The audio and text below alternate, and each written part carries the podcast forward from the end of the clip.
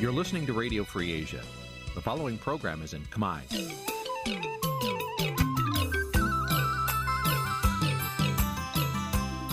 Nǐ chi càm bi tiệp xáy vệt chiu a zì sê ray នេះជាកម្មវិធីផ្សាយរបស់ Vithu Azisari ជាភាសាខ្មែរ វត្តឈូអាស៊ីសេរីសូមស្វាគមន៍លោកអ្នកនាងទាំងអស់ពីរដ្ឋធានី Washington នៃសហរដ្ឋអាមេរិក ពីរដ្ឋធានីវ៉ាស៊ីនតោនខ្ញុំបាទសេកបណ្ឌិតសូមជម្រាបសួរអស់លោកអ្នកនាងកញ្ញាទាំងអស់ជាទីមេត្រីខ្ញុំបាទសូមជូនកម្មវិធីផ្សាយសម្រាប់ព្រឹកថ្ងៃពុទ្ធ3កើតខែផល្គុនឆ្នាំខាលចត្វាស័កពុទ្ធសករាជ2566ត្រូវនៅថ្ងៃទី22ខែកុម្ភៈគ្រិស្តសករាជ2023បាទជាដំបូងនេះសូមអញ្ជើញអស់លោកអ្នកនាងស្ដាប់ព័ត៌មានប្រចាំថ្ងៃដែលមានមេត្តាដូចតទៅ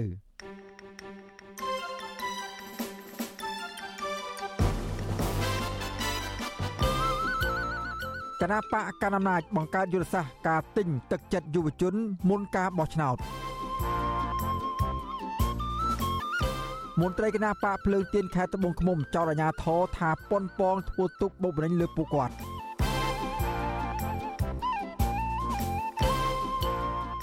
សកម្មជនបរិស្ថានរិះគន់អាជ្ញាធរខេត្តកែបថាអសមត្ថភាពក្នុងការទប់ស្កាត់បញ្ហាបង្ហូរទឹកស្អុយចូលសមុទ្រ អង្គការសង្គមស៊ីវិលមិនរំពឹងថា ចំនួនស្ត្រីតំណាងរាស្ត្រកើនឡើងនៅក្នុងអាណត្តិទី7នោះទេ បាទរួមនឹងព័ត៌មានសំខាន់សំខាន់មួយចំនួនទៀតជាបន្តទៅទៀតនេះខ្ញុំបាទសេកបណ្ឌិតសូមជូនព័ត៌មានពិស្ដាបាទលោកអ្នកនាងកញ្ញាជាទីមេត្រី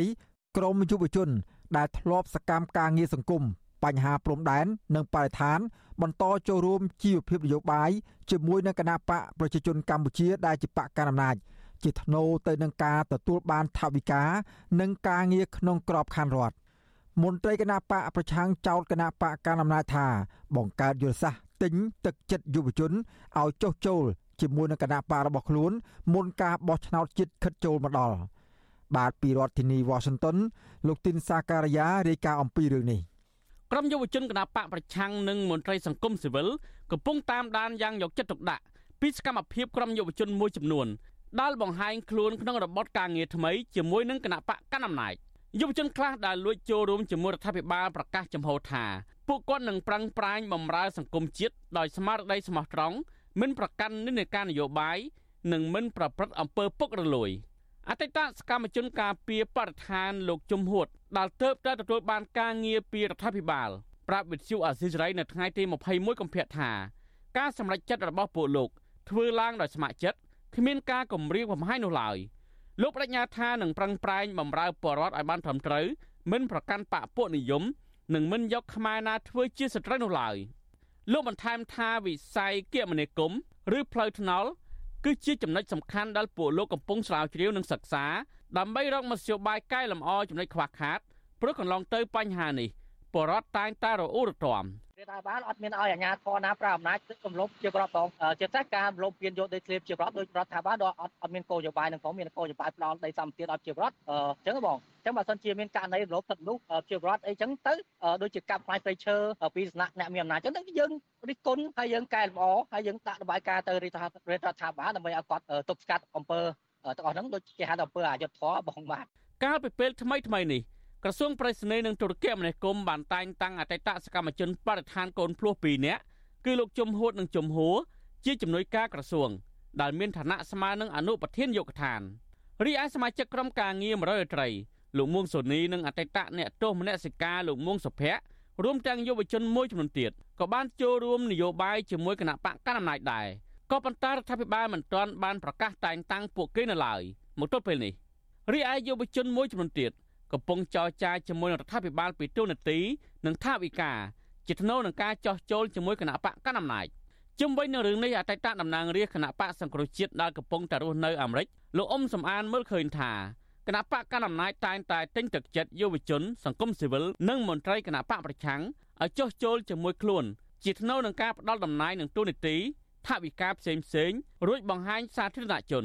រីឯយុវជនខ្លះទៀតព្រួយបារម្ភពីសុខភាពផ្ទាល់ខ្លួននិងការគម្រាមកំហែងក្រោមសម្ពាធនយោបាយរបស់រដ្ឋាភិបាលទើបពួកគេបង្ខំចិត្តចោះចូលជាដើមលោកវាតម្លៃថាយុវជនទាំងនេះនឹងគ្មានអត្តពលកែប្រែចំណុចខ្វះចន្លោះរបស់រដ្ឋាភិបាលឲ្យបានទូលំទូលាយនោះឡើយហើយគណៈបកកណ្ដាលអំណាចនឹងប្រើប្រាស់ពួកគេមួយរយៈពេលពិសេសគឺមុនពេលបោះឆ្នោតតែប៉ុណ្ណោះ។ សកម្មភាពដែលគេធ្វើកន្លងមកនេះគឺមិនធ្វើដើម្បីជាតិនោះទេគឺធ្វើដើម្បីផលប្រយោជន៍និងលៀបសការៈបន្តខ្លួនណាហើយប្រជាប្រដ្ឋក៏ប្រកាសជាមិនគ្រប់គ្រងទង្វើទាំងអស់ហ្នឹងដែរហើយគេក៏មិនជឿ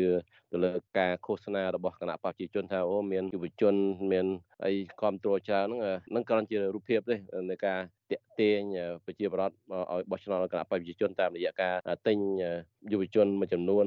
ដែលចង់បានលៀបការៈនិងបនសាឆ្លើយតបនឹងរឿងនេះអ្នកនាំពាក្យគណៈបកកណ្ដាលអំណាចលោកសុកអេសានមានប្រសាសន៍ថាពុំមែនជារឿងចម្លែកអ្វីនោះទេចំពោះសកម្មភាពរបស់គណៈបកនយោបាយនីមួយៗ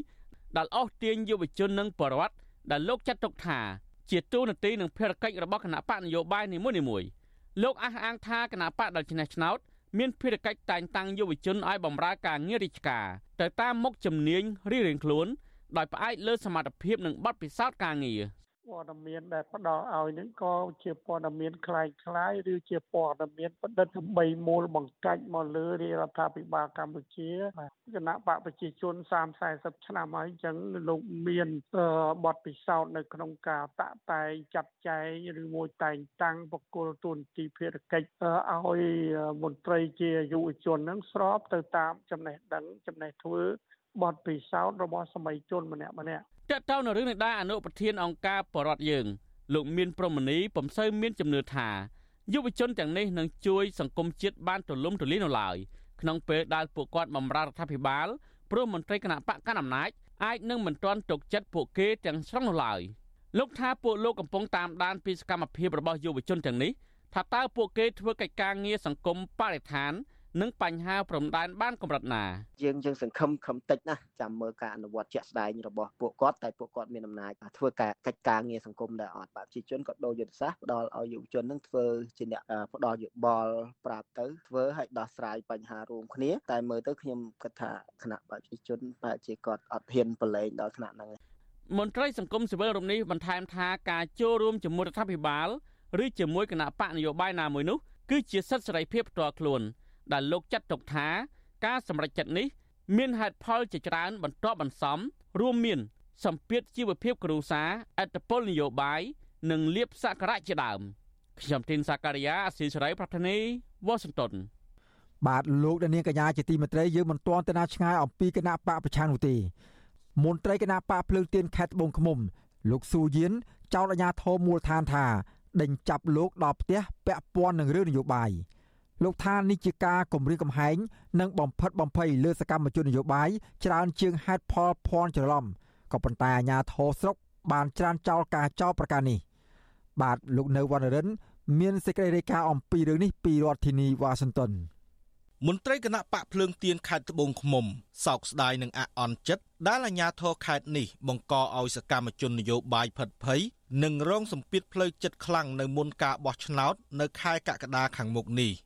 មន្ត្រីរូបនេះស្នើឲ្យអាជ្ញាធរអនុវត្តច្បាប់ឲ្យបានត្រឹមត្រូវដើម្បីកុំឲ្យជះឥទ្ធិពលមិនល្អដល់ប្រជាពលរដ្ឋជាពិសេសសកម្មជននយោបាយដែលកំពុងអនុវត្តសិទ្ធិសេរីភាពស្របតាមច្បាប់មន្ត្រីគណៈបកភ្លើងទៀនលោកស៊ូយៀនប្រាប់វិទ្យុអាស៊ីសេរីនៅថ្ងៃទី21កុម្ភៈថាប៉ូលីសឃុំត្រៀកនិងប៉ូលីសស្រុកមេមត់ស្លៀកពាក់ឯកសណ្ឋាន និងប្រដាប់ដោយកំភ្លើងជាច្រើនអ្នក បានស្ទុះចុះពីលើឡាន2គ្រឿងសម្រុកចូលផ្ទះរបស់លោកទាំងកណ្ដាលថ្ងៃត្រង់នៅថ្ងៃទី20ខែកុម្ភៈលោកឲ្យដឹងថាប៉ូលីសទាំងនោះបានដេញតាមចាប់លោកភ្លាមភ្លាមបន្ទាប់ពីលោកបានរត់គេចខ្លួនចូលក្នុងព្រៃក្រោយផ្ទះរាប់គីឡូម៉ែត្រប៉ុន្តែលោកស៊ូយៀនបានវិលត្រឡប់មកផ្ទះវិញក្រោយប៉ូលីសចាប់ប្អូនជីដូនមួយរបស់លោកដែលមានផ្ទះនៅក្បែរនោះជាប់សង្ស័យប្រើប្រាស់គ្រឿងញៀន។ លោកចាត់ទុកថាទង្វើសមត្ថកិច្ចគឺជារឿងនយោបាយដើម្បីបំបាក់ស្មារតីលើសកម្មជនគណៈបកភ្លើងទៀន មកដេញខ្ញុំប្រផាន់ប្រភីងស្រែកថាបាញ់បាញ់ហ្នឹងយើងមើលទៅវាជារូបភាពមួយអាក្រក់មែនទែនបាទវាអត់យកយន្តការច្បាប់មកប្រើដល់យើងមើលទៅគឺរូបភាពកំរោលតែម្ដងមកចេញចេញពីលើឡានមកព្រូដេញខ្ញុំតែម្ដងខ្ញុំរត់រាប់គីឡូនេះធ្វើឲ្យខ្ញុំនឹងបាក់កម្លាំងហត់ហើយជើងឡើងពងតែព្រួយបារម្ភឲ្យបងប្អូនមួយចំនួនថាឲ្យគេចខ្លួនសិនទៅហើយខ្ញុំនេះប្រពន្ធឈឺជាប់ជាប្រចាំបើសិនជាខ្ញុំគេចខ្លួនទៅដូចឲ្យគាត់នឹងងាប់ឈរទាំងរស់ហ្មងណាបងវាអត់មានខ្នងបង្អែកគាត់ពិបាកចិត្តច្រើន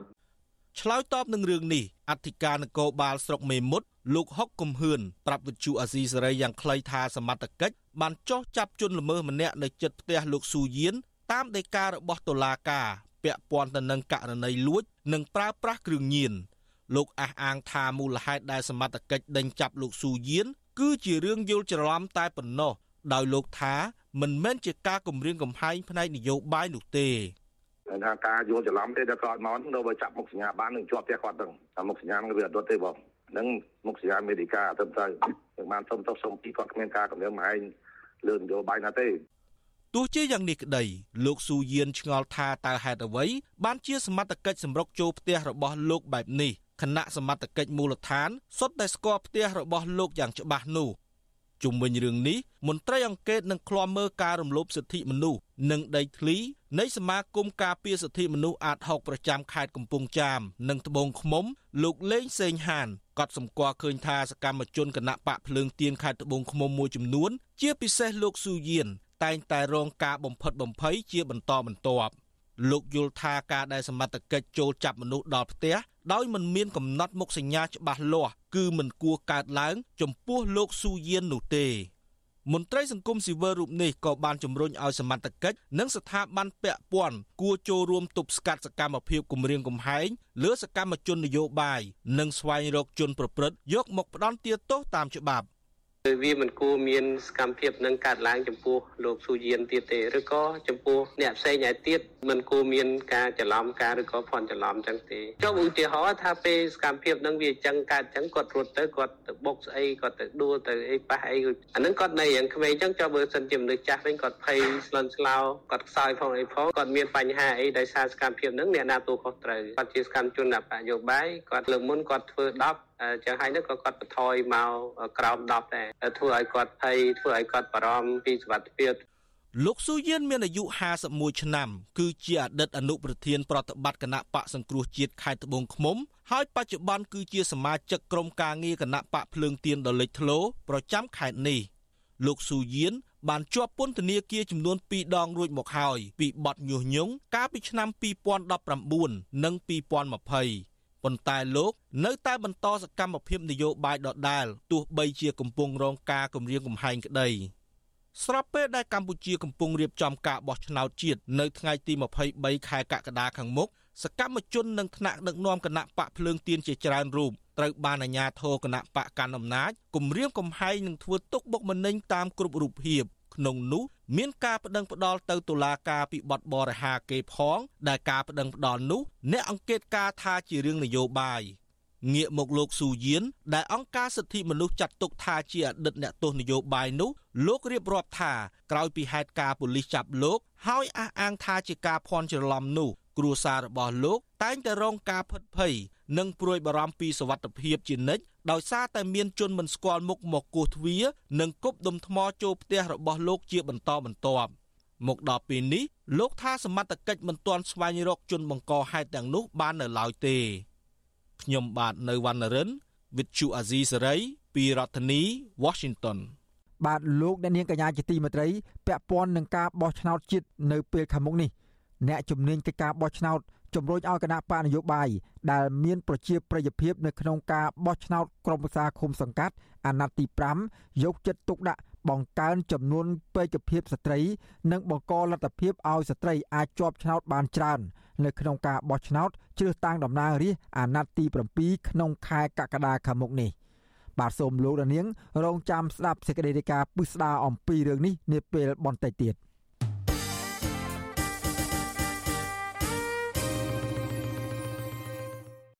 បាទលោកអ្នកនាងកញ្ញាជាទីមេត្រីពាក់ព័ន្ធនឹងសំណុំរឿងរបស់គណៈបកភ្លើងទៀនបាទសាលាអូថូបដិសេធបណ្ដឹងសុំនៅក្រៅឃុំបណ្ដោះអាសន្នរបស់លោកថៃសិដ្ឋាដែលជាអនុប្រធានគណៈបកភ្លើងទៀនមន្ត្រីសង្គមស៊ីវិលស្នើសុំឲ្យចៅក្រមគួរពិចារណាឡើងវិញនិងអនុញ្ញាតឲ្យលោកថៃសិដ្ឋាបាននៅក្រៅឃុំដើម្បីដោះស្រាយជាមួយនឹងដើមបណ្ដឹង និងចូលរួមបោះឆ្នោតនាពេលខាងមុខបាទពីរដ្ឋធានីវ៉ាស៊ីនតោន អ្នកស្រីសុជីវីរាយការណ៍អំពីរឿងនេះចៅក្រមសាលាឧទ្ធររាជធានីភ្នំពេញលោកភូពៅសុននៅថ្ងៃទី21ខែកុម្ភៈបានបដិសេធបណ្ដឹងសុំនៅក្រៅឃុំរបស់អនុប្រធានគណៈបកភ្លើងទៀនលោកថៃសេដ្ឋាក្នុងសំណុំរឿងចេញសាយគ្មានសាច់ប្រាក់ឬសាច់ស្អុយសហមេធាវីការពារក្តីឲ្យលោកថៃសេដ្ឋាម្នាក់គឺលោកមេធាវីសឿនជំជួនឲ្យវិទ្យុអាស៊ីសេរីដឹងនៅថ្ងៃទី21ខែកុម្ភៈថាកូនក្តីរបស់លោក គឺលោកថៃសេដ្ឋាបានឆ្លើយបំភ្លឺទៅចៅក្រមថា លោកមិនបានចេញសាយស្អុយដោយការចោទប្រកាន់ឡើយលោកបន្តថា ក្នុងសវនកម្មលោកថៃសេដ្ឋាបញ្ជាក់ទៅចៅក្រមថា កន្លងទៅ លោកបានចរចាជាមួយដាវបណ្ដឹងរួចហើយនិងបានកំណត់ការសងបំណុលជាដំណាក់កាលលោកសឿនជំជួនយល់ឃើញថា ការសម្រេចរបស់សាលាឧទ្ធរនេះគឺមិនបានផ្ដល់យុត្តិធម៌ដល់លោកថៃសេដ្ឋាទេ លោកបញ្ជាក់ថាលោកនឹងពិភាក្សាជាមួយសហមេធាវីបន្តទៀតដើម្បីរកនីតិវិធីស្នើឲ្យលោកថៃសេដ្ឋាបាននៅក្រៅឃុំគោលក្តីខ្ញុំបានចរចាក្នុងការសងទៅ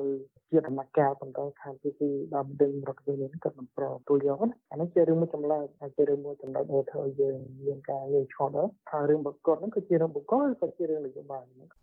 អញ្ញាធរដ្ឋាភិបាលលោកហ៊ុនសែនបានចាប់ខ្លួនអនុប្រធានគណៈបកភ្លើងទៀនលោកថៃសិដ្ឋា ពីបទមិនបានបំពេញកាតព្វកិច្ចចំពោះឧបករណ៍អាចជួញដូរបាន ឬចេញសែកមិនមានសាច់ប្រាក់ចំនួន5សន្លឹកកាលពីអំឡុងឆ្នាំ2019ដែលប្តឹងដោយក្រុមហ៊ុនឯកជនមួយឈ្មោះក្រុមហ៊ុនរិនឆាយប៉ុន្តែមេធាវីរបស់លោកថាច់សេដ្ឋាឲ្យដឹងថាលោកថាច់សេដ្ឋាបដិសេធថាលោកមិនបានប្រព្រឹត្តដោយការចោទប្រកាន់ទេ ហើយរឿងនេះគឺជាបណ្ដឹងក្រោមរូបភាពនយោបាយតែទោះជាយ៉ាងណាមន្ត្រីរដ្ឋាភិបាលថាសំណុំរឿងលោកថៃសេដ្ឋា គឺជាការអនុវត្តច្បាប់តាក់ទងនឹងរឿងនេះមេធាវីរបស់លោកថៃសេដ្ឋាធ្លាប់លើកឡើងថាសំណុំរឿងនេះអាចបញ្ចប់ក្រៅប្រព័ន្ធតុលាការបានប្រសិនបើភាគីដើមបណ្ដឹងយល់ព្រមដកពាក្យប្តឹងពីលោកថៃសិដ្ឋាវិញប៉ុន្តែមេធាវីដើមបណ្ដឹងបដិសេធចរចាជាមួយមេធាវីការពារក្តីរបស់លោកថៃសិដ្ឋាដោយពួកគេរក្សាដោះស្រាយបញ្ហានេះតាមផ្លូវតុលាការវិទ្យុអាស៊ីសេរីមិនអាចតាក់ទងแนะនាំពាក្យតុលាការក្រុងភ្នំពេញលោកអ៊ីរ៉ាន និងអ្នកនាំពាក្យសាឡាឧត្តរលោកប្លង់សំណាងដើម្បីសុំការបកស្រាយជុំវិញរឿងនេះបានទេនៅថ្ងៃទី21ខែកុម្ភៈអ្នកច្បាប់និងសង្គមស៊ីវិលសង្កេតឃើញថាបណ្ដឹងសុំនៅក្រៅឃុំរបស់សកម្មជនគណបកប្រឆាំងនិងអ្នកទោសមនសិការតែងតែត្រូវតុលាការបដិសេធបើទោះបីជាពួកគេមានលក្ខខណ្ឌច្បាស់លាស់ស្របពេលដែលអង្គហេតុនៃការចោទប្រកាន់នោះគ្មានភាពច្បាស់លាស់ក្តីដែលផ្ទុយស្រឡះពីសំណុំរឿងរបស់អង្គញានិងអ្នកមានអំណាច ដែលប្រព្រឹត្តបទឧក្រិដ្ឋមួយចំនួនគឺពួកគេបែរជាអាចនៅក្រៅឃុំដោយបន្តប្រើជីវិតតាមបែបអភិជនបានជុំវិញរឿងនេះនាយកទទួលបន្ទុកកិច្ចការទូតនៃអង្គការលីកាដូលោកអំសំអាតមានប្រសាសន៍ថាការស្នើសុំនៅក្រៅឃុំរបស់លោកថៃសិដ្ឋាគឺស្របតាមនីតិវិធីនិងមានលក្ខខណ្ឌច្បាស់លាស់លោកយល់ឃើញថាតុលាការគួរតែផ្ដល់ឱកាសឲ្យលោកថៃសិដ្ឋាបាននៅក្រៅឃុំដើម្បីបំពេញកាតព្វកិច្ចនយោបាយ និងដោះស្រាយរឿងបំណុលជាមួយដើមបណ្ដឹង។ពីព្រោះការនៅក្រៅខុំបណ្ដោះអាសន្នមិនមែនបញ្ចប់រឿងទេដំណើរការសំណុំរឿងវានៅតែបន្តប៉ុន្តែមនុស្សអាចនៅក្រៅខុំបណ្ដោះអាសន្នបានណាហើយជាពិសេសគាត់ជាអ្នកនយោបាយអញ្ចឹងទៅគាត់អាចមានឱកាសក្នុងការធ្វើនយោបាយក៏ដូចជាការចូលរួមក្នុងការប្រកួតប្រជែងក្នុងការបោះឆ្នោតជាតិខាងមុខនេះ អ្នកតាមដានបញ្ហានយោបាយសង្កេតឃើញថា ករណីចាប់ខ្លួននិងប្តឹងថ្នាក់ដឹកនាំគណៈបកប្រឆាំងនេះមិនមែនជារឿងថ្មីនិងចម្លែកឡើយនៅក្នុងបរិបទនយោបាយនៅកម្ពុជាក្នុងនោះលោកហ៊ុនសែននិងគណៈបកប្រជាជនកម្ពុជារបស់លោកតែងមានអធិបុលលើប្រព័ន្ធតុលាការនិងប្រើប្រាស់ប្រព័ន្ធច្បាប់ជាអាវុធដើម្បីគំរាមកំហែងនិងរំលាយគណៈបកប្រឆាំងនៅមុនការបោះឆ្នោតម្ដងម្ដងជាឧទាហរណ៍ករណីចាប់ខ្លួនប្រធានគណៈបកសង្គ្រោះជាតិលោកកឹមសុខា កាលពីឆ្នាំ2017ក្រោមការចោទថា ពាក់ព័ន្ធនឹងគម្រោងបដិវត្តពណ៌ផ្ដួលរំលំរដ្ឋាភិបាលនិងករណីគណៈបកប្រជាជនកម្ពុជាប្តឹងថ្នាក់ដឹកនាំគណៈបកភ្លើងទៀនទៅតុលាការដូចជាលោកសុនឆៃលោកគង់គំនិងការរឹបអូសទ្រព្យសម្បត្តិរបស់ពួកគេហើយករណីចុងក្រោយនេះតុលាការបានចាប់ឃុំខ្លួនលោកថៃសេដ្ឋាបន្ថែមទៀតនាងខ្ញុំសុជីវីវិទ្យុអាស៊ីសេរីពីរដ្ឋធានី Washington បាទលោកអ្នកនាងកញ្ញាជាទីមេត្រី សេចក្តីរាយការណ៍ពាក់ព័ន្ធនឹងក្រុមកោតក្រ Nagawal នៅវិញតុលាការក្រុងភ្នំពេញកាលពីថ្ងៃម្សិលមិញបានបើកសវនាការលើសំណុំរឿងមេដឹកនាំសហជីពកញ្ញាឈឹមស៊ីធដែលកំពុងជាប់ឃុំហើយប្រកាសលើកពេលសវនាការលើសំណុំរឿងញុះញង់បង្កភាពវឹកវរធ្ងន់ធ្ងរដល់សន្តិសុខសង្គមរបស់សហជីព Nagawal ទៅពេលក្រោយសវនាការនេះមានក្រុមកោតក្រជាង100នាក់មកតាមដានឃ្លាំមើលនៅខាងមុខតុលាការ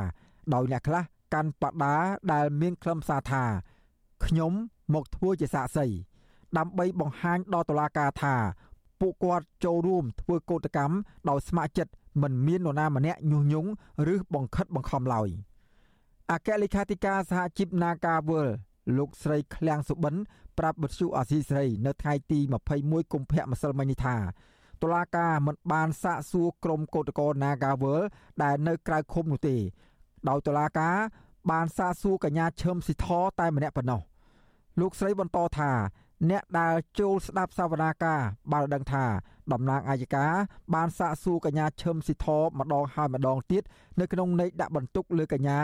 ពាក់ព័ន្ធនឹងប្រភពថវិកាជំនួយមនុស្សធម៌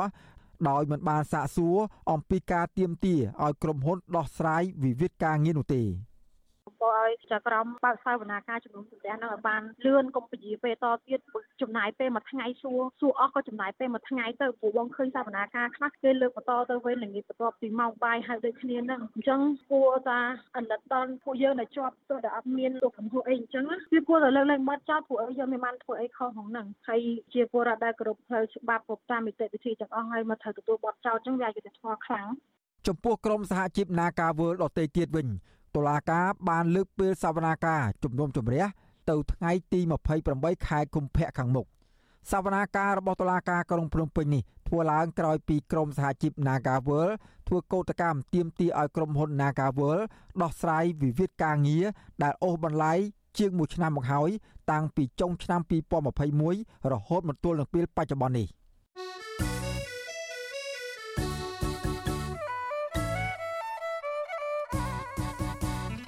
បាទលោកដានៀងកំពុងតាមដានស្ដាប់ការផ្សាយរបស់វិទ្យុអសីសេរីពីរដ្ឋធានីវ៉ាស៊ីនតោនសហរដ្ឋអាមេរិកកម្មវិធីផ្សាយរបស់វិទ្យុអសីសេរីផ្សាយដំណើរគ្នាតាមរយៈរលកធារកាសខ្លីឬ shortwave តាមកម្រិតនិងកម្ពស់ដូចតទៅនេះពេលព្រឹកចាប់ពីម៉ោង5កន្លះដល់ម៉ោង6កន្លះតាមរយៈប៉ុស SW 9.39 MHz ស្មើនឹងកម្ពស់ 32m និងប៉ុស SW 11.85 MHz ស្មើនឹងកម្ពស់ 25m ពេលយប់ចាប់ពីម៉ោង7កន្លះដល់ម៉ោង8កន្លះតាមរយៈប៉ុស FW 9.39 MHz ស្មើនឹងកម្ពស់ 32m ប៉ុស SW 11.88 MHz ស្មើនឹងកម្ពស់ 25m និងប៉ុស SW 15.15 MHz ស្មើនឹងកម្ពស់ 20m បាទសូមអរគុណ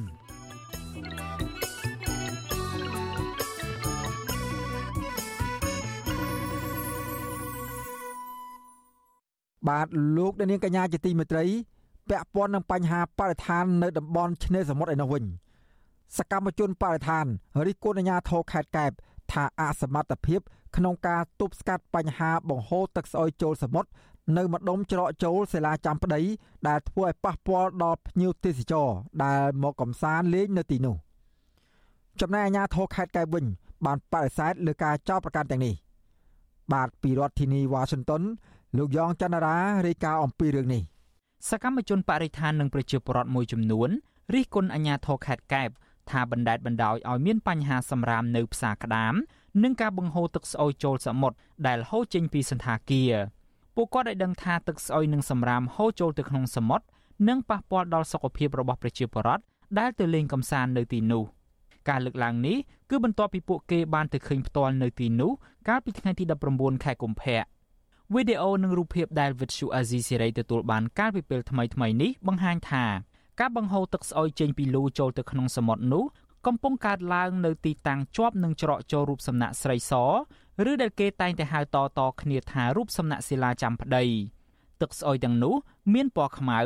រួមដោយកាកសំណល់សម្រាមផ្លាស្ទិកបានអណ្ដែតនៅលើមាត់សមុទ្រទឹកស្អុយហូរចូលទៅសមុទ្រនេះមានចម្ងាយប្រហែល5ម៉ែត្រពីកន្លែងដែលប្រជាពលរដ្ឋលេងទឹក ចំណែកកាកសំណល់ផ្លាស្ទិកនៅផ្សារក្តាមដែលមានទីតាំងជាប់នៅមាត់សមុទ្រនោះវិញក៏មានសម្រាមផ្លាស្ទិកអណ្ដែតតាមទឹកនិងលើដីពាសពេញដោយពុំមានការដោះស្រាយពីអាជ្ញាធរនោះទេសកម្មជនបរិស្ថាននៃចលនាមេដាធម្មជាតិកញ្ញាធួនស្រីពៅដែលបានចុះដោយផ្ទាល់ដើម្បីពិនិត្យមើលស្ថានភាពនៅទីនោះប្រាប់វិទ្យុអាស៊ីសេរីនៅថ្ងៃទី21កុម្ភៈថាកញ្ញាព្រួយបារម្ភអំពីសុខភាពប្រជាពលរដ្ឋដែលទៅលេងទឹកកំសាន្តនៅក្នុងសមុទ្រខេត្តកែបនាពេលបច្ចុប្បន្ន កញ្ញាឃើញមានការបង្ហូរទឹកស្អុយចូលសមុទ្រចេញពីសន្តាគារនៅក្បែរនោះយ៉ាងអនាធបត័យ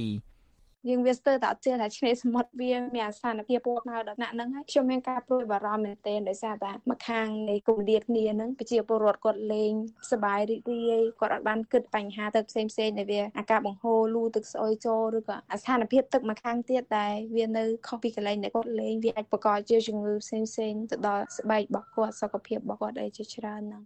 ខេត្តកែបគឺជាខេត្តដែលតូចជាងគេនៅកម្ពុជាភ្ញៀវទេសចរដែលមកលេងច្រើនតែចូលចិត្តងូតទឹកសមុទ្រដើរតាមឆ្នេរខ្សាច់និងបរិភោគគ្រឿងសមុទ្រស្រស់ៗជាដើមរបាយការណ៍របស់រដ្ឋបាលខេត្តបង្ហាញថាភ្ញៀវទេសចរមកលេងកំសាន្តខេត្តនេះកាលពីឆ្នាំ2022មានជាង90000នាក់ប្រជាពលរដ្ឋមួយរូបថ្លែងថាលោកក៏ព្រួយបារម្ភអំពីការបង្ហូរទឹកស្អុយចូលសមុទ្រនេះដែរ លោកមើលឃើញថាបញ្ហានេះប្រជាពលរដ្ឋធ្លាប់ស្នើឲ្យអាជ្ញាធរពាក់ព័ន្ធទប់ស្កាត់ម្ដងរួចមកហើយប៉ុន្តែមិនឃើញមានអាជ្ញាធរដោះស្រាយឲ្យបានត្រឹមត្រូវនោះទេលោកស្នើដល់អាជ្ញាធរចាត់វិធានការទប់ស្កាត់ឲ្យបានឆាប់ដើម្បីជួយកែលម្អតំបន់ទេសចរមាត់សមុទ្រឲ្យស្រស់ស្អាតឡើងវិញ ការបង្ហូរទឹកសំអុយចូលក្នុងសមុទ្រហ្នឹងក៏វាប៉ះពាល់ដល់អ្នកទេសចរបងព្រោះវាធ្វើឲ្យទឹកវាមានមេរោគទឹកអត់ស្អាតហើយអ្នកមុជទឹកទៅលេងទឹកលេងអីនេះវាអាចមានរោគរមាស់ស្បែកអីចឹងបងចឹងអាជ្ញាធរគួរតែចាត់វិធានការទប់ស្កាត់ជាបន្ទាន់ចំពោះការបង្ហូរទឹកសំអុយចូលក្នុងមាត់សមុទ្រនេះឆ្លើយតបរឿងនេះអភិបាលក្រុងកែបលោកខេងយួនប្រាប់វិទ្យុអាស៊ីសេរីថាការចោទប្រកាន់របស់សកម្មជនបរិស្ថានដែលថាមានការបង្ហូរទឹកស្អុយចូលសមុទ្រនោះមិនមែនជាការពិតនោះទេ លោកអះអាងថាអាញាធរបានយកចិត្តទុកដាក់ទប់ស្កាត់បានត្រឹមត្រូវក៏ប៉ុន្តែចំពោះបញ្ហាសម្រាមផ្លាស្ទិកវិញលោកឲ្យដឹងថាអាចនឹងមានខ្លះដោយសារតែភ្ញៀវទេសចរដែលមកលេងកំសាន្តមួយចំនួនមិនសូវយល់ដឹងអំពីរបៀបទុកដាក់សម្រាមឲ្យបានត្រឹមត្រូវ។ តាមពិតទៅទៅឆ្នេរហ្នឹងគឺមិនមានការបង្ហូរទឹកស្រកយកទេបាទប្រហែលជាគាត់ឃើញទឹកដែលដក់នៅជាប់តាមស្លុកហ្នឹងហើយវាមានស្លឹកតាមមុនមានស្លឹកកប៉ាងតាមកប៉ាងហ្នឹងគឺជ្រូទៅវាអាចមើលឃើញខ្មៅនៅលើតាមស្លុកទេប៉ុន្តែមិនមានការបង្ហូរទឹកស្អុយចូលទៅសមុទ្រទេទោះបីជាមានការអះអាងបែបនេះពីសំណាក់អាជ្ញាធរក្តីក៏សកម្មជនបរិស្ថានឲ្យដឹងថានៅតំបន់ដែលមានការបង្ហូរទឹកស្អុយចូលសមុទ្រនោះទឹកបានប្រែពណ៌ខ្មៅខ្លាំងនិងមានក្លិនស្អុយ ខណៈដែលស្ថានភាពដីខ្សាច់ដែលនៅជាប់មាត់សមុទ្រនោះវិញធ្លាប់តែមានពណ៌សបានคล้ายទៅជាពណ៌ខ្មៅសកម្មជនបរិស្ថានឲ្យដឹងទៀតថាប្រជាពលរដ្ឋមួយចំនួនបាននាំគ្នាទៅនេសាទត្រីនៅក្បែរកន្លែងបង្ហូរទឹកស្អុយនោះដោយពួកគាត់អះអាងថាត្រីភ ieck ច្រើនចូលចិត្តមករកស៊ីនៅទីនោះពីព្រោះមានទឹកស្អុយនិងកាកសំណល់ដែលហូរចេញពីលូជុំវិញរឿងនេះសកម្មជនបរិស្ថានលោកសាន់ម៉ាឡាលើកឡើងថា បញ្ហាសម្រាមនិងទឹកកខ្វក់ចូលក្នុងសមុទ្រនេះបានកើតឡើងស្ទើរតែគ្រប់កន្លែងនៅតំបន់ទេសចរបែបសមុទ្រនៅក្នុងប្រទេសកម្ពុជាលោកក៏សម្គាល់ថាអាញាធរពពាន់មិនបានចាត់ទុកបញ្ហាបង្ហូរទឹកស្អុយចូលទន្លេ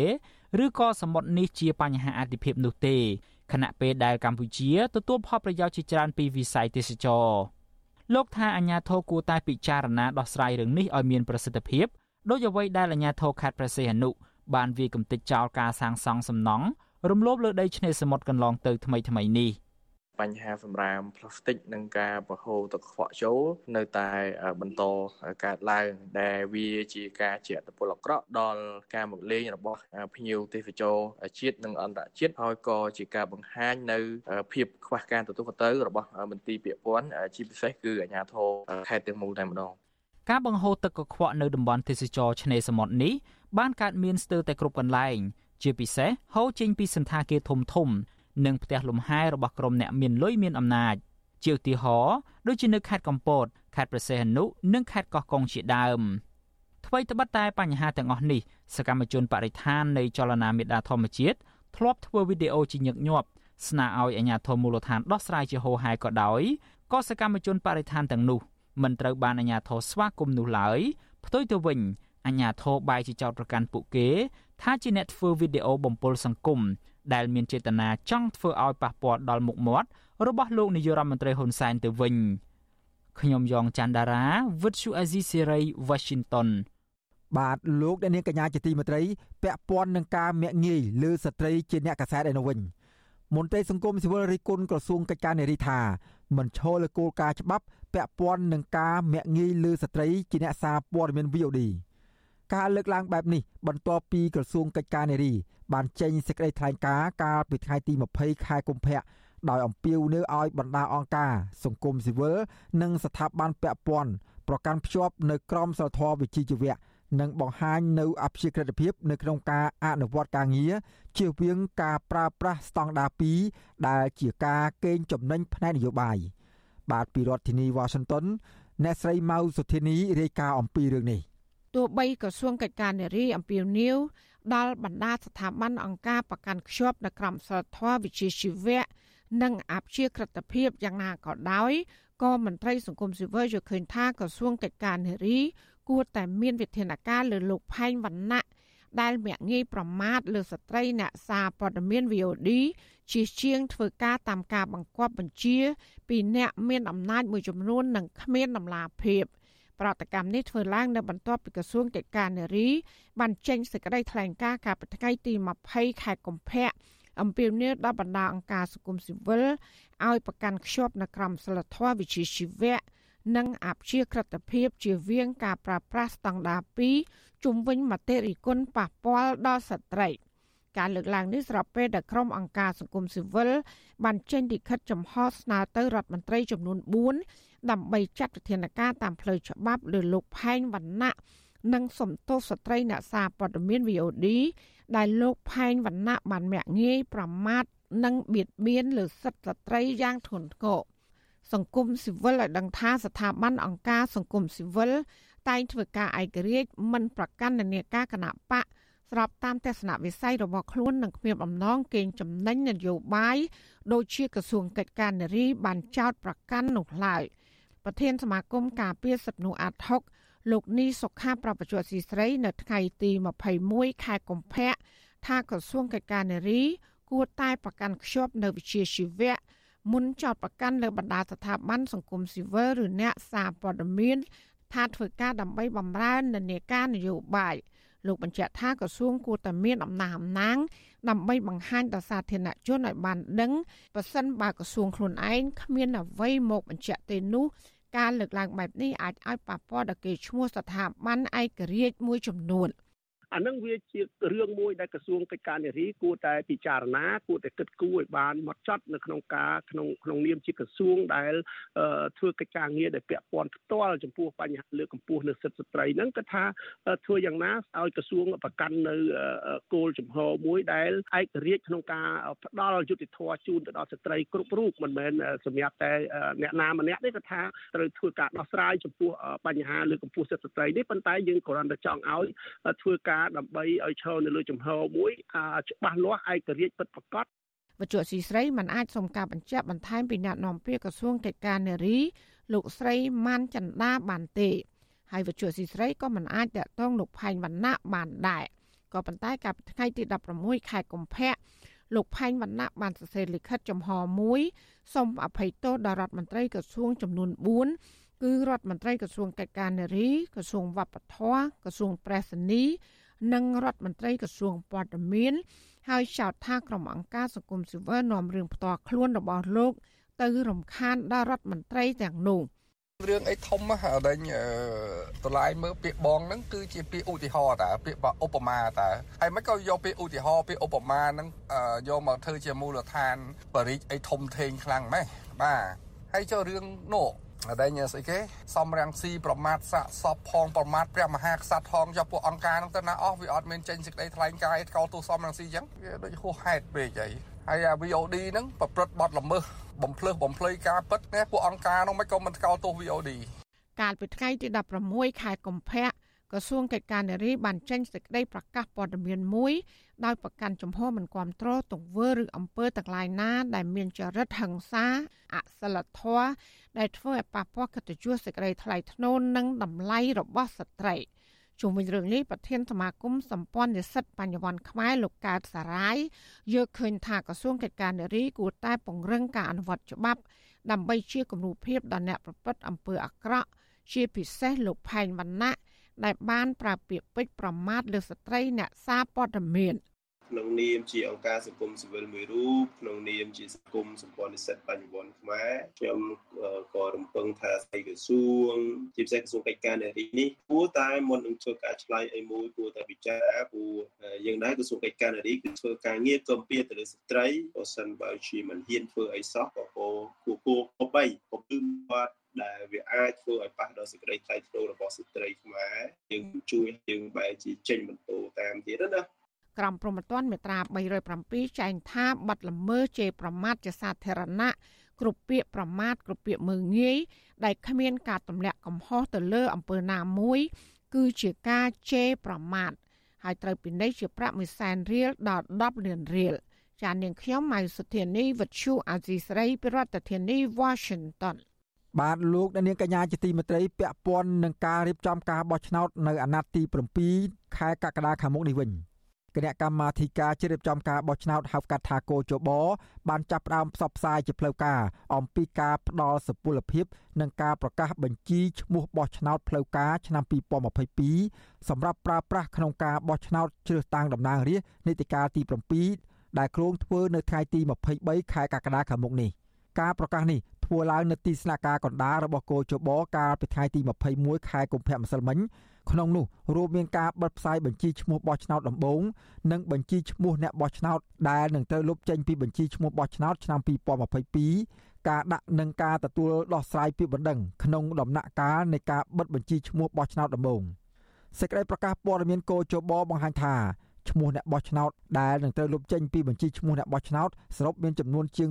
270,000នាក់ ចំពោះការដោះស្រាយពាក្យបណ្ដឹងវិញក្រមប្រឹក្សាឃុំសង្កាត់បានទទួលពាក្យបណ្ដឹងសរុបចំនួន91បណ្ដឹងចំពោះពាក្យបណ្ដឹងតវ៉ាវិញមានចំនួន85បណ្ដឹងនិងពាក្យបណ្ដឹងជំទាស់ចំនួន6បណ្ដឹងហើយត្រូវបានដោះស្រាយចប់ជាស្ថាពរនៅត្រឹមថ្នាក់ក្រមប្រឹក្សាឃុំសង្កាត់ដោយពុំមានពាក្យបណ្ដឹងបន្តបកគោជបនិងក្រមប្រឹក្សាធម្មនុញ្ញនោះទេបញ្ជីឈ្មោះបោះឆ្នោតក៏នឹងត្រូវផលិតជាបានព័ត៌មានអ្នកបោះឆ្នោត សម្រាប់ចែកជូនដល់ប្រជាពលរដ្ឋម្ចាស់ឆ្នោតដែលមានឈ្មោះនៅក្នុងបញ្ជីបោះឆ្នោតអ្នកមានឈ្មោះក្នុងបញ្ជីបោះឆ្នោតផ្លូវការឆ្នាំ2022នេះមានចំនួនជាង9លាន7សែននាក់ដែលស្មើនឹងជាង89%នៃប្រជាពលរដ្ឋដែលមានសិទ្ធិបោះឆ្នោត និងមានការិយាល័យបោះឆ្នោតចំនួនជាង23000ការិយាល័យកោជបបញ្ជាក់ថា បញ្ជីឈ្មោះបោះឆ្នោតផ្លូវការឆ្នាំ2022គឺជាបញ្ជីឈ្មោះបោះឆ្នោតផ្លូវការសម្រាប់ការបោះឆ្នោតជ្រើសតាំងតំណាងរាស្ត្រនីតិកាលទី7ដែលនឹងប្រព្រឹត្តទៅនៅថ្ងៃអាទិត្យទី23ខែកក្កដាខាងមុខនេះ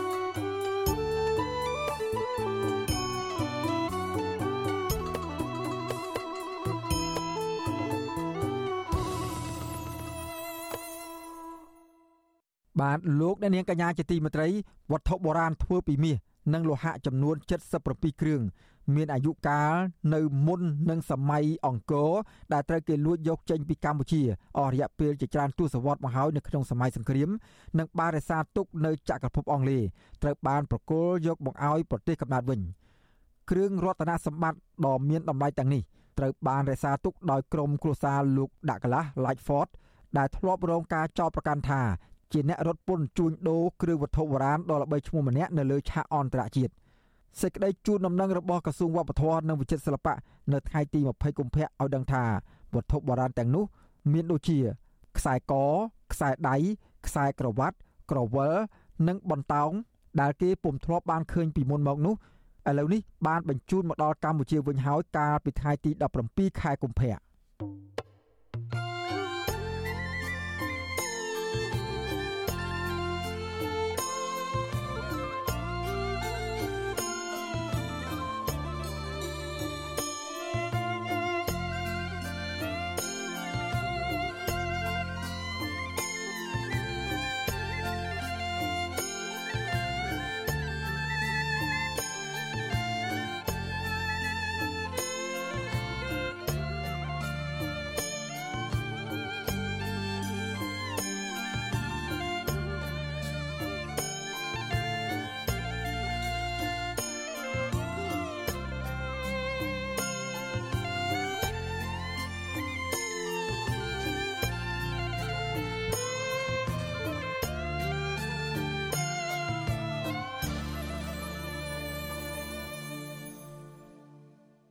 បាទលោកអ្នកនាងកញ្ញាជាទីមេត្រីពាក់ព័ន្ធនឹងការប្រកួតប្រជែងការបោះឆ្នោតជ្រើសតាំងតំណាងរាស្ត្រនៅខែកក្កដាខាងមុខនេះវិញអ្នកជំនាញកិច្ចការបោះឆ្នោតជំរុញឲ្យគណៈបកនយោបាយដែលមានប្រជាប្រិយភាពនៅក្នុងការបោះឆ្នោតក្រុមប្រឹក្សាឃុំសង្កាត់អាណត្តិទី5យកចិត្តទុកដាក់បង្កើនចំនួនពេកភាពស្ត្រី និងបង្កលទ្ធភាពឲ្យស្ត្រីអាចជាប់ឆ្នោតបានច្រើននៅក្នុងការបោះឆ្នោតជ្រើសតាំងតំណាងរាស្ត្រអាណត្តិទី7នៅក្នុងខែកក្កដាខាងមុខនេះ សំណើនេះស្របពេលដែលគណៈបកនយោបាយចូលរួមការបោះឆ្នោតកំពុងចាប់ផ្ដើមរៀបចំបញ្ជីឈ្មោះបេក្ខជនរបស់ខ្លួនដើម្បីដាក់ទៅគោជបចាប់ពីថ្ងៃទី24ខែកុម្ភៈដល់ថ្ងៃទី8ខែឧសភាខាងមុខបាទពីរដ្ឋធានីវ៉ាស៊ីនតោនអ្នកស្រីសូជីវីរាយការណ៍ពិស្ដារអំពីព័ត៌មាននេះ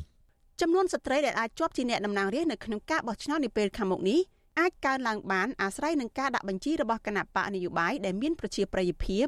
ឬដែលពលរដ្ឋនឹងបោះឆ្នោតឲ្យមន្ត្រីនៃអង្គការផ្នែកបោះឆ្នោត Confrel លោកកនសវាងប្រាប់វិទ្យុអាស៊ីសេរីថាលោកសង្ឃឹមថាចំនួនស្ត្រីជាអ្នកតំណាងពលរដ្ឋនៅក្នុងរដ្ឋសភា អាចកើនឡើងប៉ុន្តែវាក៏អាស្រ័យទៅនឹងការបង្កើនចំនួនស្ត្រីនៅក្នុងបញ្ជីឈ្មោះបេក្ខជនឈរឈ្មោះបោះឆ្នោតរបស់គណៈបកនយោបាយកំពុងមានប្រជាប្រិយភាពដែលនឹងដាក់ទៅគណៈកម្មាធិការជាតិរៀបចំការបោះឆ្នោតកោជបបើនិយាយអំពីស្ត្រីហ្នឹងគឺថាភាព ក្លាហានណាភាពគេហៅថាហ៊ានអីរបស់គាត់ហ្នឹងតម្រេះវិជាអីហ្នឹងគឺថាมันទៅជាចាញ់បរោះទេជាពិសេសយើងឃើញថាយុវជនជំនាន់ក្រោយហ្នឹងគឺថាមានភាពស្មើគ្នារវាងបរិសុទ្ធនិងស្ត្រីហ្នឹងតែសំខាន់ទេរឿងគណៈបកនយោបាយទេដែលគាត់អត់បានគិតពីកូតាស្ត្រីហ្នឹងរៀបចំឲ្យអឺស្ត្រីហ្នឹងមានគេហៅថាលេខរៀងឬក៏មានកូតាហ្នឹងបានពោះកន្លងមកយើងឃើញថាស្ត្រីហ្នឹងគឺនៅលេខរៀងក្រោម ណាបាទមិនសូវបានឱកាសលេខរៀងទី1ទី2ទី3ទេតាមរយៈការបោះឆ្នោតក្រុមប្រឹក្សាឃុំសង្កាត់កាលពីខែមិថុនាឆ្នាំ2022កន្លងទៅគណៈបកនយោបាយចំនួន2ដែលតាក់ទាញសម្លេងពលរដ្ឋឲ្យគាំទ្រច្រើនគឺគណៈបកប្រជាជនកម្ពុជាដែលកំពុងកាន់អំណាច និងគណៈបកភ្លើងទៀនក្នុងការបោះឆ្នោតនោះដែរចំនួនស្ត្រីជាប់ជាមេឃុំ មានចំនួនតិចជាងចំនួនមេឃុំបរោះយ៉ាងច្រើន គឺនៅក្នុងចំណោមមេឃុំសរុបជាង1600នាក់ មានស្ត្រីចំនួន173នាក់ពលគឺបរោះដល់ទៅជិត90%តើតើនឹងការដាក់បេក្ខជនឈរឈ្មោះបោះឆ្នោតធ្វើជាតំណាងរាស្ត្រវិញក្រុមអង្គការសង្គមស៊ីវិលធ្លាប់បានស្នើឡើងជាបន្តបន្ទាប់ក្នុងការបោះឆ្នោតជាច្រើនអាណត្តិមកហើយថាគណៈបកនយោបាយគួរដាក់បញ្ជីបេក្ខជន ដែលឆ្លាស់លេខរៀងគ្នា រវាងបេក្ខជនជាបុរសនិងស្ត្រី គឺប្រសិនបើបុរសឈរនៅលេខរៀងទី1លេខរៀងបន្ទាប់គួរជាស្ត្រី ក្រុមអង្គការសង្គមស៊ីវិលផ្ដល់ជំរឿននេះដល់គណៈបកនយោបាយដោយសារតែពួកគេមើលឃើញថាការដាក់បញ្ជីបែបនេះអាចបង្កើនចំនួនស្ត្រីដែលជាប់ឆ្នោតគឺអាចមានលទ្ធភាពកើនឡើងរហូតដល់50%នៃចំនួនអ្នកជាប់ឆ្នោតសរុបតែទោះជាយ៉ាងណាគណៈបកនយោបាយដែលមានប្រជាប្រិយភាពមិនទទួលយកសំណើនេះឡើយគឺមានតែគណៈបកនយោបាយដែលមិនសូវមានសម្លេងគាំទ្រព្យាយាមអនុវត្តតាម បើទោះជាយ៉ាងណាអ្នកនាំពាក្យគណៈបកប្រជាជនកម្ពុជាលោកសុកអេសានស្វាគមន៍ទស្សនៈរបស់ក្រុមអង្គការសង្គមស៊ីវិលប៉ុន្តែលោកថាគណៈបករបស់លោកបានគិតគូររួចជាស្រេចហើយក្នុងការបង្កើនចំនួនស្ត្រី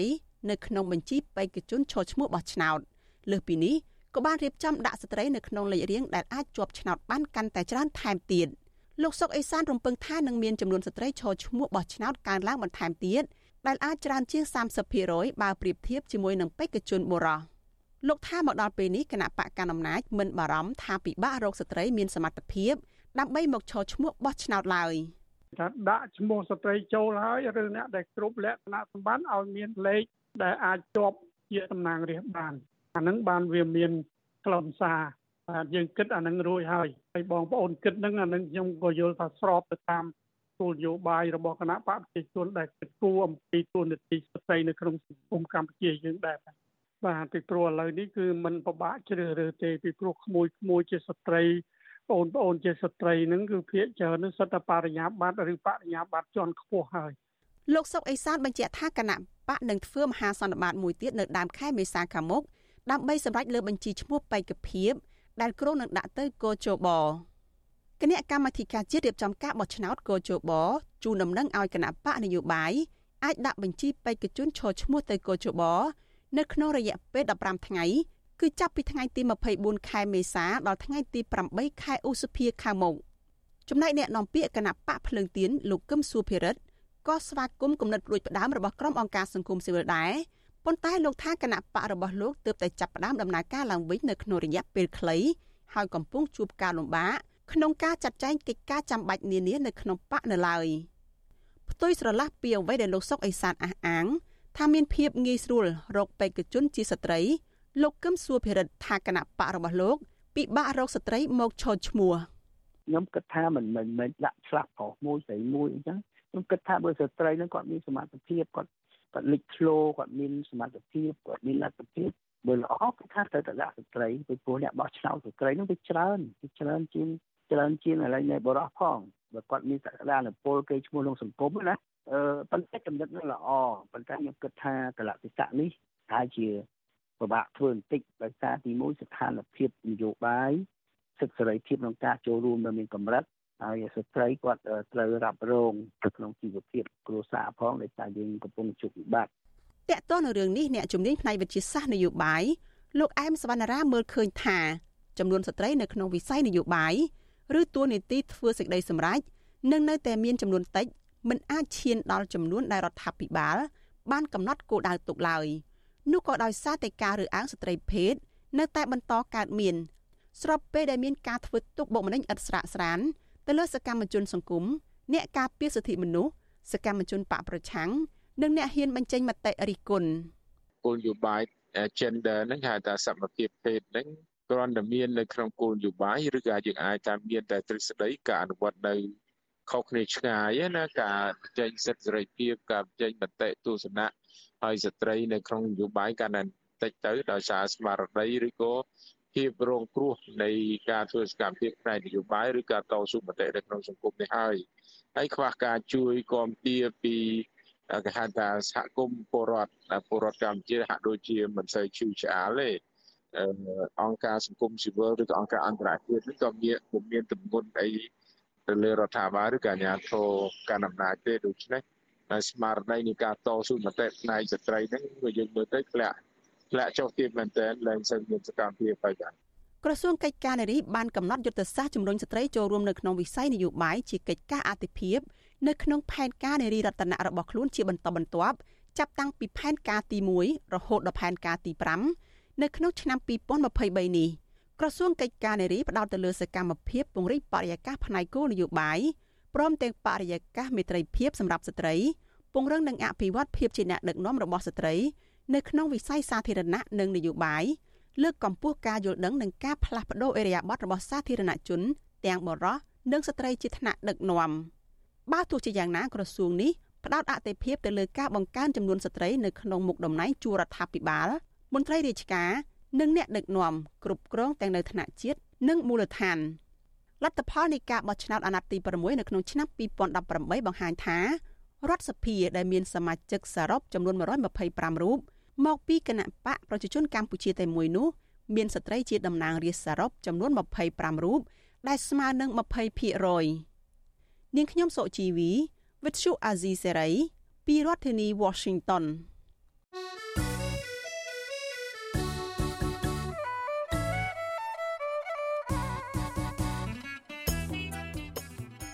បាទលោកនាងកញ្ញាជាទីមេត្រីក្រៅពីការតាមដានស្ដាប់ការផ្សាយរបស់វិទ្យុអស៊ីសេរីតាមបណ្ដាញសង្គម Facebook YouTube Telegram លោកអ្នកនាងក៏អាចតាមដានស្ដាប់ការផ្សាយរបស់យើងខ្ញុំតាមរយៈបណ្ដាញសង្គម Instagram របស់វិទ្យុអស៊ីសេរីតាមរយៈតំណភ្ជាប់ www.instagram.com/rfa ខ្មែរ វិទ្យុអសីស្រីបន្តខិតខំផ្សព្វផ្សាយព័ត៌មានពិតទៅកាន់បងប្អូនតាមរយៈបណ្ដាញសង្គមផ្សេងផ្សេងនិងសម្បូរបែបដើម្បីលោកដានាងងាយស្រួលតាមដានការផ្សាយរបស់វិទ្យុអសីស្រីគ្រប់ពេលវេលា និងគ្រប់ទីកន្លែង តាមរយៈទូរស័ព្ទរបស់អស់លោកដានាង បាទសូមអរគុណ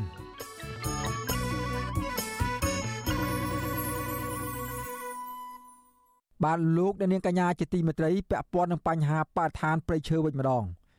ដើមឈើធំធំដែលអ្នកស្រុកដុតយកជាប់ទឹកលក់ផ្គត់ផ្គង់ជីវភាពប្រចាំថ្ងៃកំពុងទទួលរងការកាប់បំផ្លាញស្ទើររៀងរាល់ថ្ងៃពីសំណាក់ក្រុមហ៊ុនឯកជនមួយដែលបើកការដ្ឋានអាឈើទ្រង់ទ្រាយធំនៅជាប់នឹងតំបន់ព្រៃឡង់ខេត្តព្រះវិហារប្រជាសហគមន៍ព្រៃឡង់បានចុះស៊ើបអង្កេតបទល្មើសព្រៃឈើជាថ្មីទៀតស៊ើបដឹងថាអាញាធរបន្តបើកដៃឲ្យក្រុមជនល្មើសជាច្រើនអ្នកទាំងប្រុសទាំងស្រីចូលកាប់ឈើក្នុងតំបន់ស្នូលនៃព្រៃឡង់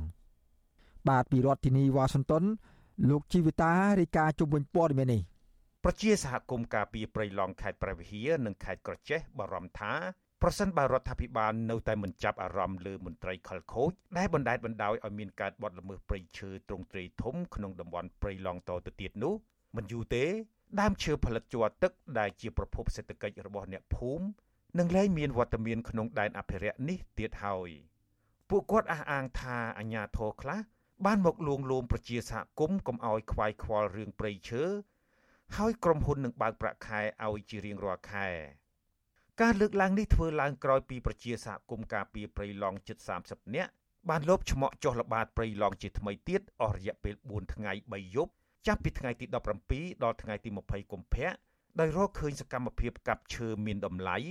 ដែលបទល្មើសនេះមានជាប់ពាក់ព័ន្ធនឹងអាជ្ញាធរមានសមត្ថកិច្ចមន្ត្រីបរិស្ថាននិងប៉ូលីស ខុបខិតជាមួយមេការក្រុមហ៊ុន Macro Logistics ដែលបើកការដ្ឋានអាឈើទ្រង់ទ្រាយធំស្ថិតក្នុងបរិវេណក្រុមហ៊ុនវៀតណាម PNT ក្នុងស្រុករវៀងខេត្តព្រះវិហារ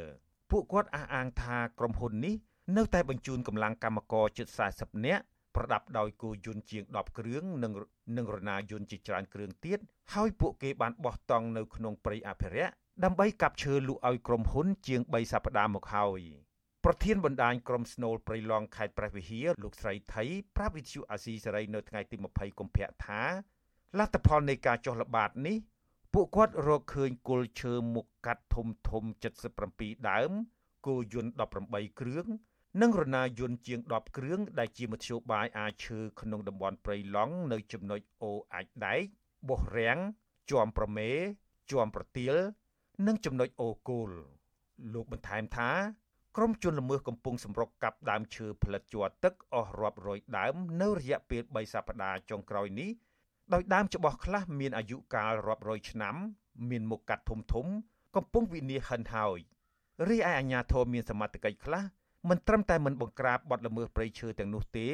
តែបែរមកជាលួងលោមពួកលោកឲ្យទទួលលុយក្នុងម្នាក់ម្នាក់1លានរៀលក្នុងមួយខែ ជាធ្នូធ្វើមិនដឹងមិនលឺ រដ្ឋអាចជាវាយខេតគីវិធីដែលគាត់ឡើងមកកាន់អំណាចថ្មីចង់គាត់វិតមើលទៅលើអភិក្រមទាំង5ចំពោះមន្ត្រីណាតដែលអសមត្ថភាពធ្វើការងារទប់ស្កាត់បំផាញ់ព្រៃឈើនេះគាត់ទៅពិចារណាមែនទេហើយគាត់បញ្ជូនពេលកម្មណាមួយដើម្បីចូលព្រៃជាមួយនឹងក្រុមបណ្ដាញព្រៃឡង់នេះចង់ដល់ថាកន្លែងណាខ្លះដែលគាត់ធ្វើកាប់បំផាញ់ព្រៃឈើហើយអ្នកណាអ្នកណានៅអ្នកណានៅព្រៃខ្នងអោយគាត់វិញមួយឃើញកុំអីអ្វីមួយចានចូលចានចូលវាអត់ល្អមើលគ្នាទេក្រុមស្នូលព្រៃឡង់រូបនេះសោកស្ដាយដើមឈើផលិតជ័រទឹក ដើមផ្ដៀកស្រឡៅនិងដើមរាំងដែលជាប្រភេទឈើមានតម្លៃចុងក្រោយគេកំពុងទទួលរងការកាប់បំផ្លាញយ៉ាងពេញទំហឹងចំណែកឆ្មាំអភិរក្សរបស់ក្រសួងបរិស្ថាននិងសមត្ថកិច្ចខ្លះដែលឈរយាមព្រៃនៅតំបន់នោះនៅតែទទួលប្រយោជន៍ពីក្រុមជនល្មើសជាធ្នូមិនអនុវត្តច្បាប់ដោយឡែកប្រជាសហគមន៍ការពីព្រៃឡង់មួយក្រុមផ្សេងទៀតនៅខេត្តក្រចេះគឺលោកឯកសវណ្ណាដែលទៅតែបញ្ចប់បេសកកម្មចុះល្បាតព្រៃឲ្យដឹងថា លទ្ធផលនៃការចុះល្បាតរបស់ពួកលោករកឃើញបទល្មើសព្រៃឈើជាង300ករណីក្នុងនោះមានគល់ឈើ100ដើមនិងដើមឈើជាច្រើនដើមទៀតត្រូវបានផ្ដួលរំលំលោកថាបទល្មើសទាំងនេះប្រព្រឹត្តនៅចំណុចវាលស្រែតាព្រំអូជាំនិងវាលភ្នំក្រហម បានក្លាយជាទីផ្សារកាប់ឈើយ៉ាងពេញទំហឹង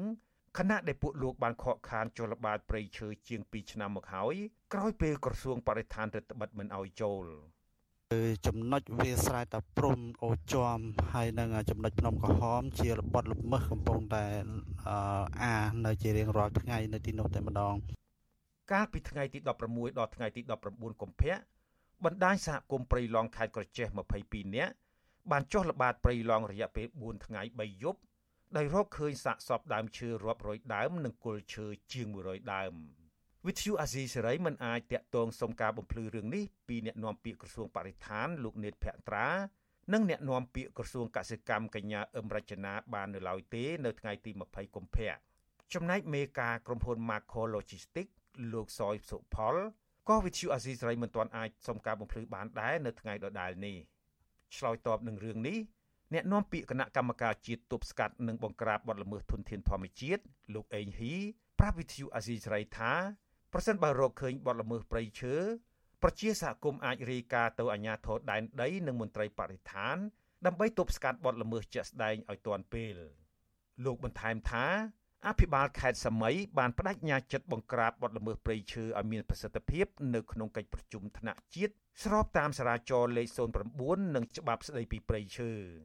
បាទសូមឲ្យខាងព្រៃឡង់ជួបជាមួយនឹងអាជ្ញាធរដែនដីជាពិសេសគឺឯកឧត្តមអាបាលខេត្តហ្មងគាត់ទទួលការងារហ្នឹងគាត់យកចិត្តទុកដាក់ណាស់ព្រោះគាត់កិច្ចប្រជុំគឺគាត់នឹងធ្វើការងារហ្នឹងបាទព្រោះកិច្ចការងារបើសិនជាការងារធំអាហ្នឹងគឺកម្លាំងរបស់យើងនឹងចុះទៅទោះជាយ៉ាងណាក្រុមអ្នកឃ្លាំមើលព្រៃឈើថាមន្ត្រីរដ្ឋាភិបាល តែងតែសន្យាបង្ក្រាបបទល្មើសព្រៃឈើជារៀងរហូតមកប៉ុន្តែជាក់ស្ដែង ឧក្រិដ្ឋកម្មព្រៃឈើនៅតែកើតមានដដែល និងកាន់តែខ្លាំងទៀតផង កាលពីចុងឆ្នាំ2020រដ្ឋមន្ត្រីក្រសួងបរិស្ថានលោកវែងសុខុនបានអនុញ្ញាតឲ្យក្រុមហ៊ុន Marker Logistics បង់ថ្លៃសួយសារនិងបុព្វលាភជូនរដ្ឋជាថ្នូរនឹងការប្រមូលឈើក្នុងបរិវេណដីសម្បត្តិសេដ្ឋកិច្ចរបស់ក្រុមហ៊ុនវៀតណាម PNT ប៉ុន្តែប្រជាសហគមន៍រកឃើញថា ក្រុមហ៊ុននេះ បានបញ្ជូនកម្លាំងកម្មកររាប់សិបនាក់ចូលកាប់ឈើហួសពីអ្វីដែលក្រសួងបានអនុញ្ញាតហើយកម្មករក្រុមហ៊ុនបានចូលក្នុងដែនជម្រកសត្វព្រៃឡង់ក្នុងស្រុករវៀងដើម្បីកាប់ឈើទ្រង់ទ្រាយធំជាង2ឆ្នាំមកហើយដោយខុបខិតជាមួយក្រុមហ៊ុនវៀតណាម PNT និងមន្ត្រីជំនាញមួយចំនួន លើសពីនេះទៀតក្រុមហ៊ុនមានម៉ាស៊ីនអាចជ្រៀកឈើខ្នាតធំ4គ្រឿងស្ថិតក្នុងស្រុករវៀងជាប់ព្រៃឡង់ខេត្តព្រះវិហារទៀតផងក្រុមហ៊ុន PNT របស់វៀតណាមនេះ ទទួលបានដីសម្បត្តិសេដ្ឋកិច្ចពីរដ្ឋាភិបាលទំហំជិត8000ហិកតាក្នុងស្រុករវៀងខេត្តព្រះវិហារកាលពីឆ្នាំ2010ក្រោមកិច្ចសន្យារយៈពេល70ឆ្នាំខ្លឹមសារក្នុងកិច្ចសន្យាក្រុមហ៊ុននេះត្រូវវិនិយោគដំណាំក្លឹមច័ន្ទចន្ទទី និងដំណាំរួមផ្សំផ្សេងទៀតប៉ុន្តែប្រជាសហគមន៍អះអាងថាជាក់ស្ដែងក្រុមហ៊ុននេះមិនបានដាំដុះតាមកិច្ចសន្យានោះទេដោយផ្ដោតលើការឈូសឆាយព្រៃឲ្យคล้ายជាវាល និងកាប់ឈើធ្វើអាជីវកម្មទៅវិញប្រជាសហគមន៍ព្រៃឡង់បន្ថែមថាវត្តមានក្រុមហ៊ុនវៀតណាមមួយនេះបានបំផ្លាញព្រៃឈើនិងធនធានធម្មជាតិយ៉ាងធំសម្បើមធ្វើឲ្យពលរដ្ឋជួបការលំបាកក្នុងជីវភាពបាត់បង់ព្រៃឈើអាស្រ័យផលហើយមានពលរដ្ឋខ្លះទៀតជាប់បណ្ដឹងនៅតុលាការដោយសារតែការពីព្រៃឈើខ្ញុំជីវិតាអាស៊ីសេរី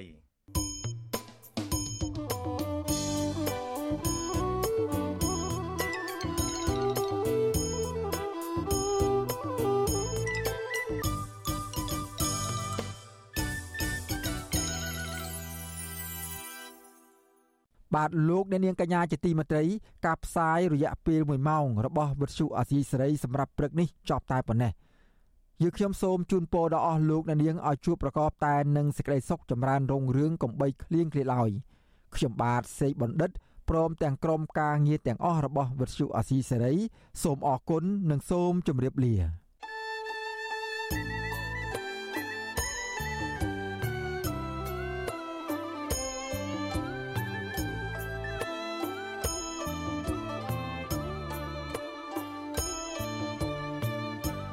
វិទ្យុអាស៊ីសេរីផ្សាយតាមរលកធារកាសខ្លីឬ shortwave តាមកម្រិតនិងកម្ពស់ដូចតទៅនេះ ពេលព្រឹកចាប់ពីម៉ោង5កន្លះដល់ម៉ោង6កន្លះតាមរយៈប៉ុស SW 9.39 MHz ស្មើនឹងកម្ពស់ 32m និងប៉ុស SW 11.85 MHz ស្មើនឹងកម្ពស់ 25m ពេលយប់ចាប់ពីម៉ោង7កន្លះដល់ម៉ោង8កន្លះតាមរយៈប៉ុស SW 9.39 MHz ស្មើនឹងកម្ពស់ 32m ប៉ុស SW 11.88 MHz ស្មើនឹងកម្ពស់ 25m និងប៉ុស SW 15.15 MHz ស្មើនឹងកម្ពស់ 20m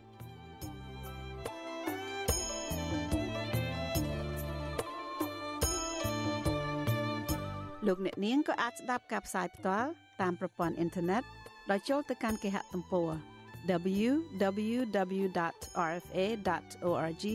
ខ្មែរក្រៅពីនេះលោកអ្នកនាងក៏អាចអាននិងទស្សនាព័ត៌មានវិទ្យុអេស៊ីសេរីលើទូរស័ព្ទដៃរបស់លោកអ្នកផ្ទាល់សូមលោកអ្នកនាង ចូលទៅកាន់កម្មវិធី Facebook រួចស្វែងរកពាក្យ RFA ខ្មែរនិង YouTube ដោយស្វែងរកពាក្យ RFA ខ្មែរ សូមលោកអ្នកនាងចុច like និងចុច subscribe ដើម្បីទទួលបានព័ត៌មានថ្មីៗតាន់ហេតុការនិងទស្សនាវីដេអូផ្សេងៗទៀតបានគ្រប់ពេលវេលា។